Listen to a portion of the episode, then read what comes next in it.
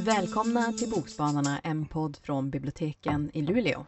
Och vi som pratar är Magnus. Agneta. Och Julia. Och nu är det fritt val. och jag får börja. Är det till och med. roliga timmen? Det är roliga timmen. För jag har läst Lucky Lada och jag av Maria Manschvars. Eller något sånt. Eh, och det är en väldigt märklig men rolig bok.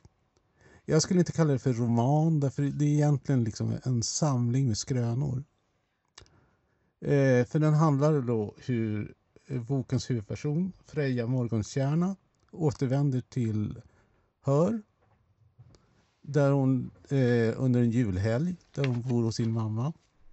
Och eh, för att få material till sin eh, nästa bok som ska vara någon slags parafras på Piratens böcker så ska hon besöka Lucky Lada som är eh, en del kanske skulle kalla det nöjesetablissemang. Jag säger bara oh God, my God. Alltså det är stort, det är skränigt och det är fyllt med berusade människor.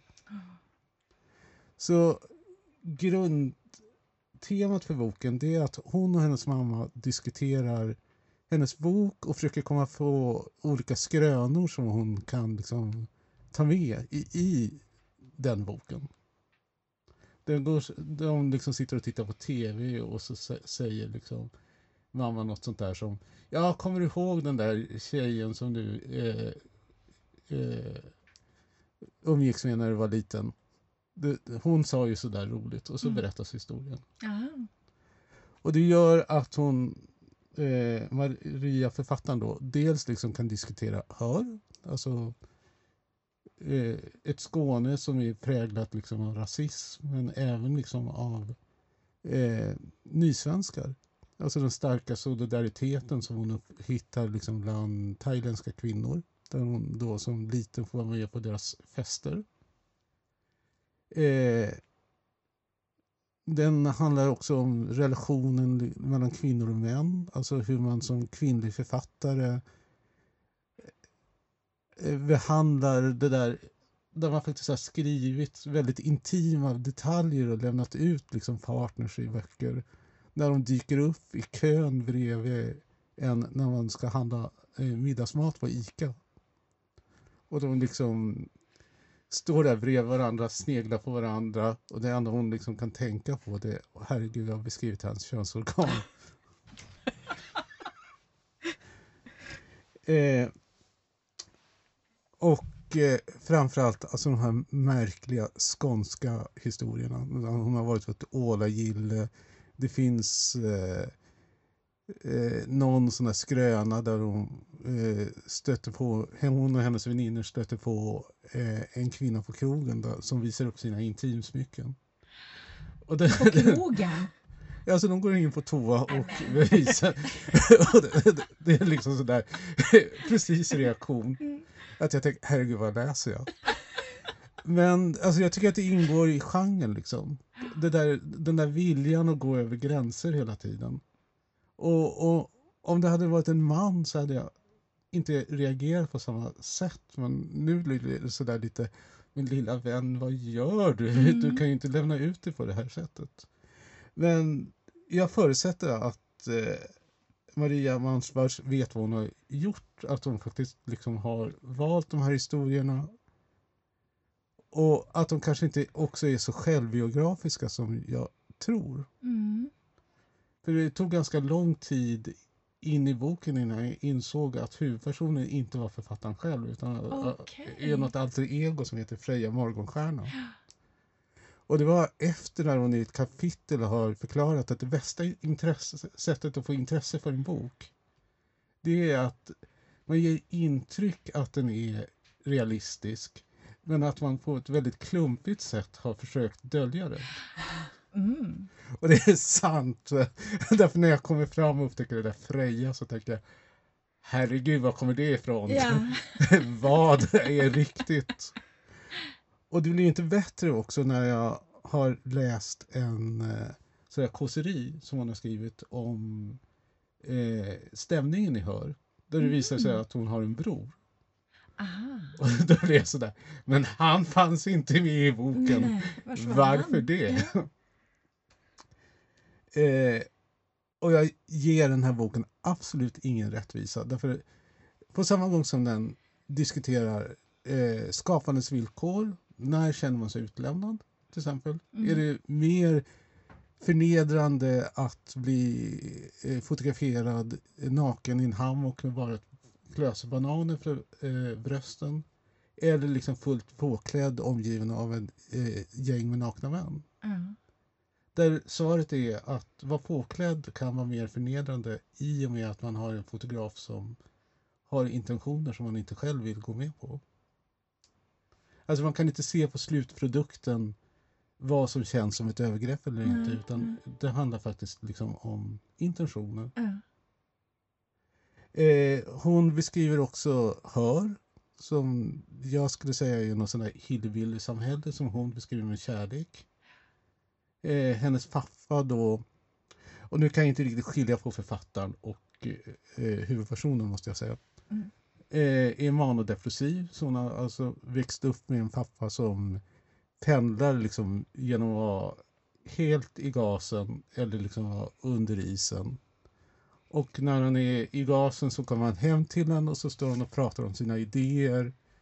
Det finns en scen som är väldigt sorglig som jag egentligen jag tyckte var rolig liksom när han eh, kom, kommer hem till sin före detta fru och står och liksom pratar om något sånt konstigt pro- projekt och till slut så börjar hon dammsuga. Yes. Därför hon vet att det är enda sättet att få, få iväg honom. Eh, men också liksom de här märkliga relationerna, alltså vänskapsrelationerna som finns. Visserligen hårt tummade och ganska hård jargong. Eh, så det är en sån här liten skattkista, man kan hitta ungefär vad man vill i den. Och en del saker skrattar jag jättemycket åt. Och en del får mig faktiskt att jag skäms lite grann när jag läser dem. Men framförallt då den emotionella värmen och att hon är det hon är, eller att hör är vad det är och att faktiskt Sverige är ganska okej även om det har sina blå, stora, stora blåmärken. Jag läste en annan bok av henne som jag tyckte Mm. väldigt mycket om som heter Bara ha roligt. Mm. Alltså när jag eh, läste den här så kände jag sådär, okej nu ska jag läsa eh, hennes andra böcker därför Mm. den här är så bra. Men jag tror att jag måste vänta lite därför jag får känslan att hennes två första böcker är väldigt annorlunda. Ja. Alltså att det är mer... Är det här den senaste? Det är den senaste. Ja.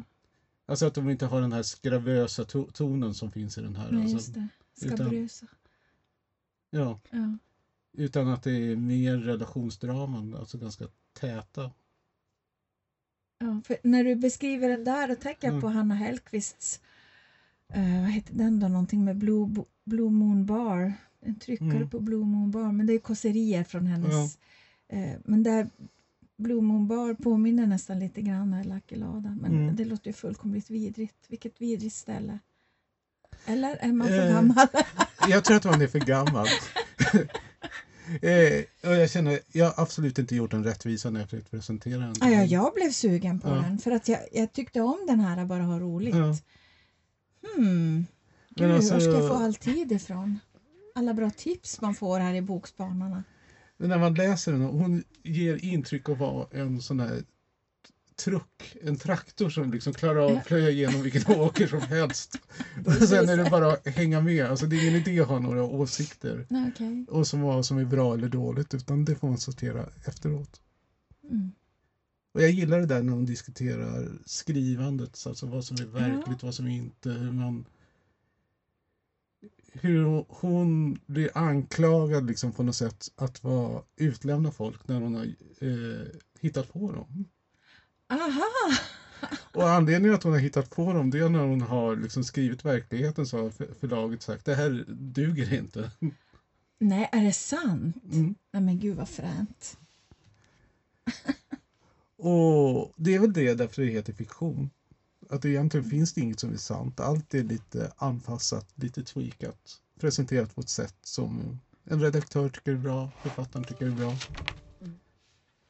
Och ja, läs den och eh, ha säkerhetsbältena på er. Ja. Härligt. Det ska vi göra. Absolut. Vad hade du Agneta för Ja, någonting? jag har alltså den senaste boken av Marian Case eh, om familjen Walsh och den heter Ett oväntat val. Och Rachel Walsh, hon är eh, en av fem systrar på Irland och hon har tidigare figurerat i en bok av Marian Case som heter En- En oväntad semester. Där hon efter en överdos, hon tar en överdos av misstag, eh, hamnar på ett behandlingshem eh, som heter Klostret. Och nu, det har gått då ganska många år efter det här och hon är nykter, drogfri och en erkänt duktig behandlingsterapeut på det här stället, klostret, som hon lovade att hon aldrig mer skulle sätta sin fot på eh, för att hon hatar det så mycket. Men där jobbar hon alltså nu och trivs väldigt bra.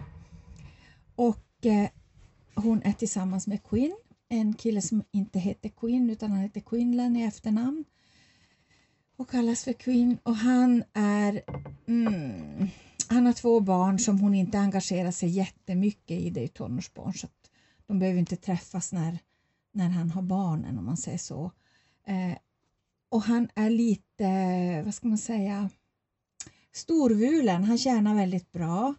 Eh, han hittar på saker. De ska åka till Barcelona och fira sin tvåårsdag till exempel. Men han accepterar fullt ut, och jag menar han kan inte göra något annat heller om han ska vara ihop med Rachel, att hon är nykter och han ser alltid till att det finns alkoholfria alternativ och sådana här saker. Eh, men då får hon bud om att hennes stora kärlek Luke, hans mamma, har dött och hon känner att hon borde gå på begravningen för hon var ju i många år del av hans familj och trivdes väldigt bra i den här familjen och hon vill framförallt träffa Lukes pappa som hon inte har träffat på många år. Eh, Luke bor i USA medan Rachel då är på Irland och de, det tog slut mellan dem på ett inte så bra sätt om man säger så. Eh, så hon är väldigt orolig för att träffa Luke igen men samtidigt så känner hon att jag måste gå på den här begravningen. Och det här är ett oväntat val, det är en sån bok precis som eh, alla andra Mary Case. Man får, man får skratta högt, man känner sig som en galen kvinna när man sitter där och skrattar liksom åt någonting som man läser. Och man gråter så man ulkar mellan varven, i alla fall jag, jag ska inte säga man, jag. Eh, och jag, nu blev jag så sugen igen på att läsa alla de här sex böckerna av, av eh, Marian Case. Och då är ju, tror jag, hennes kanske allra mest kända är ju den första om systern Claire som också, alla systrarna är med i den här boken. Och på något sätt så känns det lite grann som att hon knyter ihop säcken med familjen Walsh. Men det kan hända, eh, jag ska säga som du sa här i ett annat poddavsnitt, Julia, om Rosette. kan hända att rosetten går upp. Eh, för att jag hoppas det. Jag skulle vilja höra om alla systrarna en gång till nu när, de, när det har gått, vad kan det ha gått, 20 år någonting sånt. Eh, men vill man läsa allihopa i ett streck då ska man börja med ettan och det är alltså Vattenmelonen som handlar om Claire.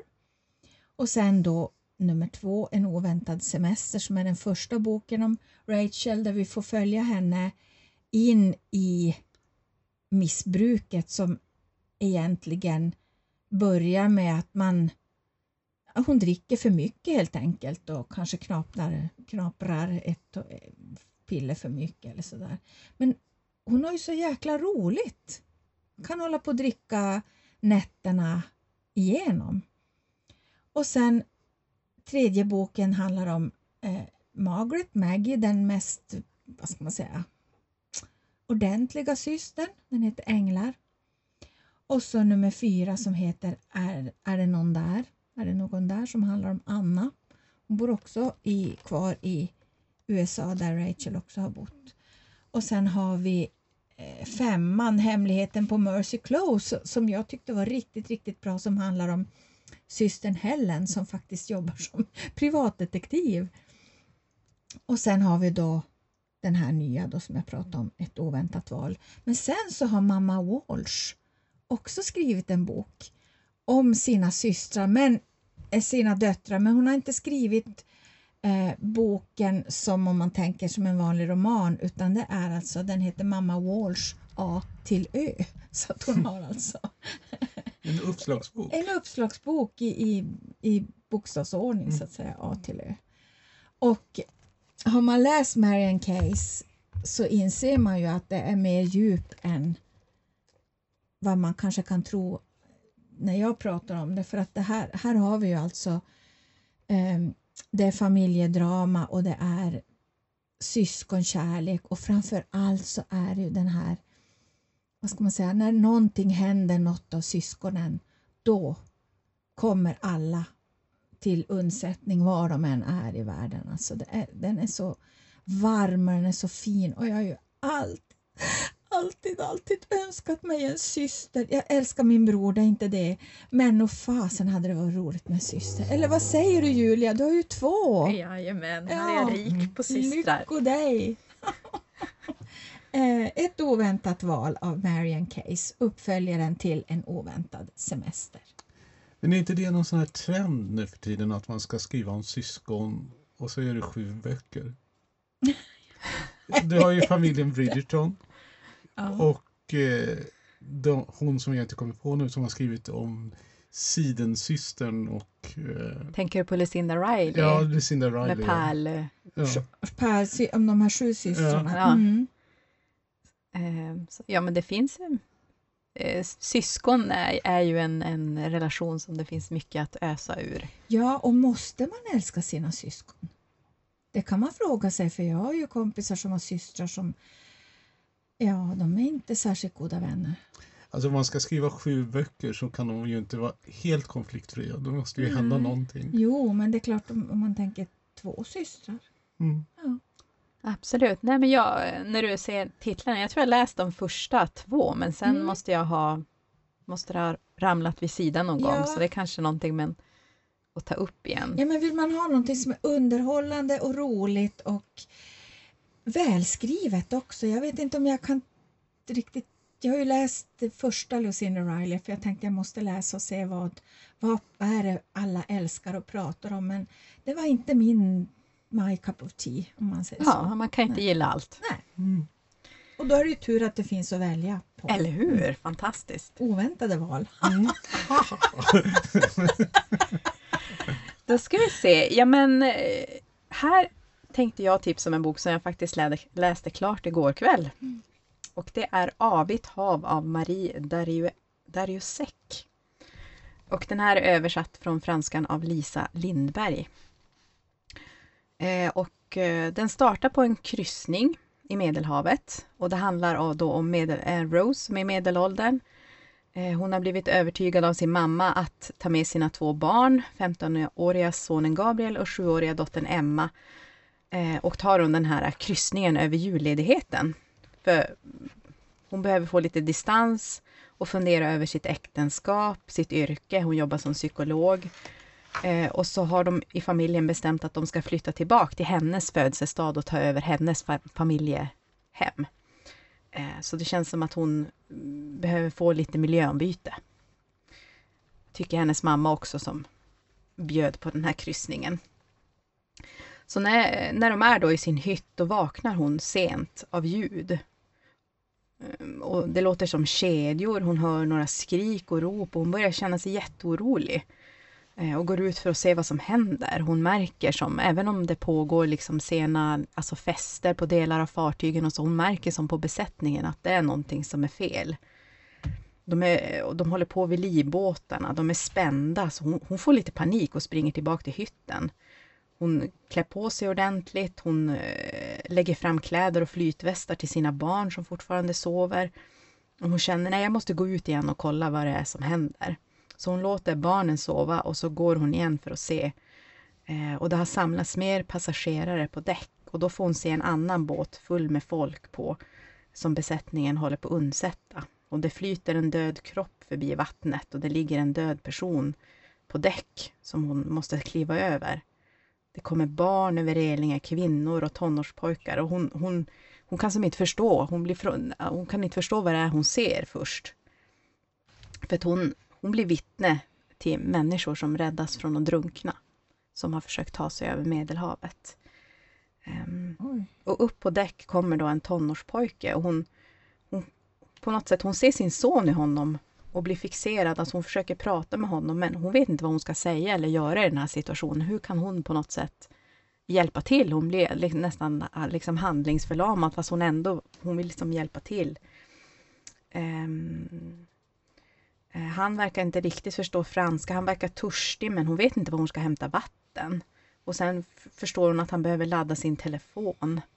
Och de tas då de här migranterna till som en, en sal där de får vänta. Eh, och hon vill hjälpa honom.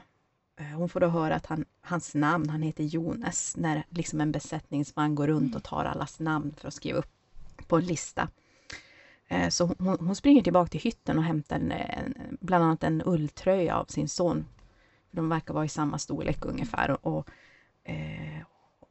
och hon tar med hans mobiltelefon för hon tänker att han kanske kan eh, ringa därifrån och en termos med kaffe. Um, så då ger hon det till honom men, men hans simkort passar inte riktigt till telefonen mm. så hon eh, lämnar kvar det där. Hon tänker att ja, men ta, ta du den och så får han ladda den också till telefonen och de där kläderna som hon tar med hamnar liksom bland och, och kaffet dricks upp och så känner hon sig, men gud, hon såg på hans min att, han, att det var liksom för starkt. Oj, att jag inte tänkte på att sätta socker i kaffet. Hon blir som alldeles fixerad. Um, sen på morgonen, alltså går hon tillbaka till hytten och somnar och så på morgonen hon vaknar hennes son börjar leta efter sin mobil men det är på mm. något sätt, hon kan inte berätta vad hon har varit med om så hon låter han leta som att han själv har tappat bort telefonen. Gud vad grymt! Och han, han är som inne, han, han vill liksom fixa att hon fixar internet på din telefon så vi kan söka efter iPhone, alltså så att han kan leta vars den är och han går runt och försöker ringa liksom till sin telefon från hennes telefon.